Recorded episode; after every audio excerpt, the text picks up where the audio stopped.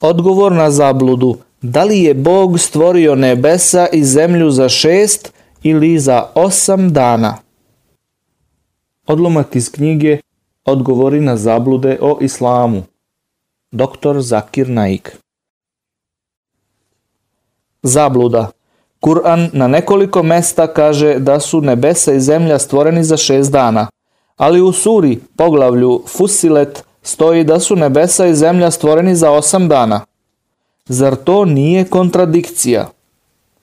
Isti ajet, odlomak, navodi da je zemlja stvorena za šest dana, a da su nebesa kasnije stvorena za dva dana. Ovo je protiv teorije velikog praska koja kaže da su nebesa i zemlja stvoreni istovremeno. Nebesa i zemlja su stvoreni za šest dana. Slažem se da Kur'an kaže da su nebesa i zemlja stvoreni za šest dana, to jest šest epoha, što se spominje na sljedećim mestima u Kur'anu.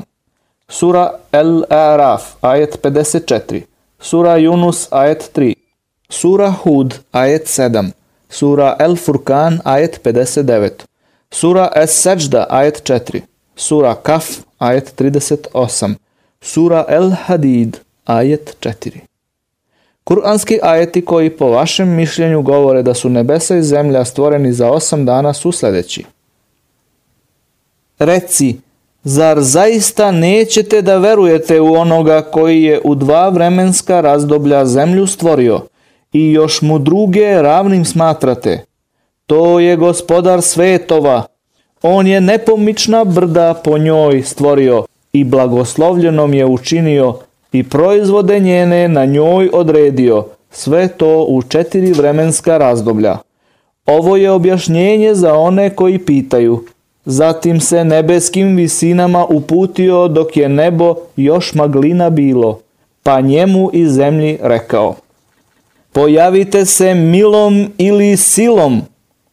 Pojavljujemo se drage volje, odgovorili su, pa ih u dva vremenska razdoblja kao sedam nebesa stvorio i odredio šta će se u svakom nebu nalaziti. A nebo najbliže sjajnim zvezdama smo ukrasili i nad njim mi bdimo. To je odredba silnoga i sveznajućega. Kur'an, poglavlje Fusilet. Na prvi pogled čini se da Kur'an kaže da su nebesa i zemlja stvoreni za osam dana.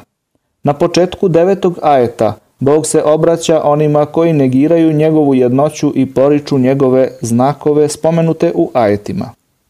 Iz ajeta se vidi da će se vremenom pojaviti ljudi koji će u ovim jasnim ajetima da traže kontradikcije. Summe znači osim toga. Ukoliko ove ajete pažljivo analizirate, vidjet ćete da govore o dva različita stvaranja, o stvaranju zemlje i o stvaranju nebesa.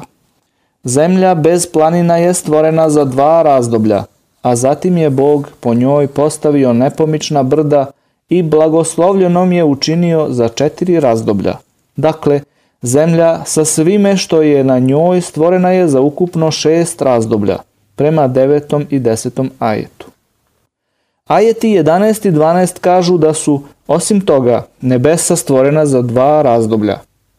Prva reč u 11. ajetu je summe, što može da znači zatim i osim toga. Neki prevodioci Kur'ana su reč summe preveli kao zatim, odnosno nakon toga. Taj prevod je pogrešan, zbog celog konteksta. Ako se prihvati da prevod bude zatim, ispada da su nebesa i zemlja stvoreni za osam razdoblja, što je sasvim kontradiktorno mnogim datim kuranskim ajetima koji govore da su nebesa i zemlja stvoreni za šest razdobalja. Osim toga, takav se prevod sukobljava naučnoj činjenici koja tvrdi da su nebesa i zemlja stvoreni istovremeno, a ne zemlja i zatim nebesa. Čak i u 30. ajetu sure El Nba stoji da su nebesa i zemlja stvoreni istovremeno.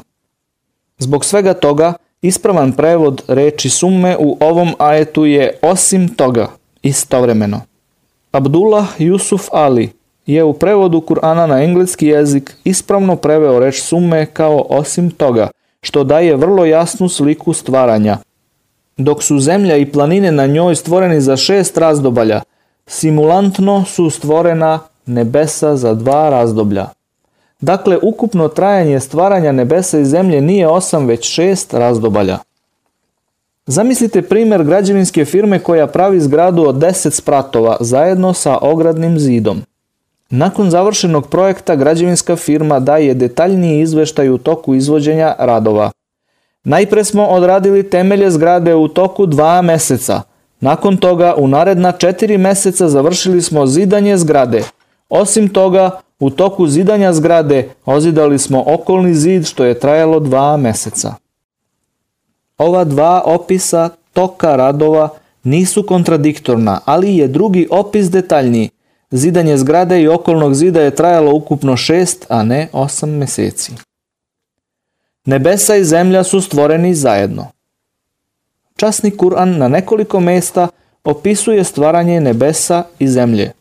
Nekada kaže nebesa i zemlja, a nekada zemlja i nebo. Međutim, 30. ajet sure El Enbiya govori o velikom prasku i istovremenom stvaranju nebesa i zemlje.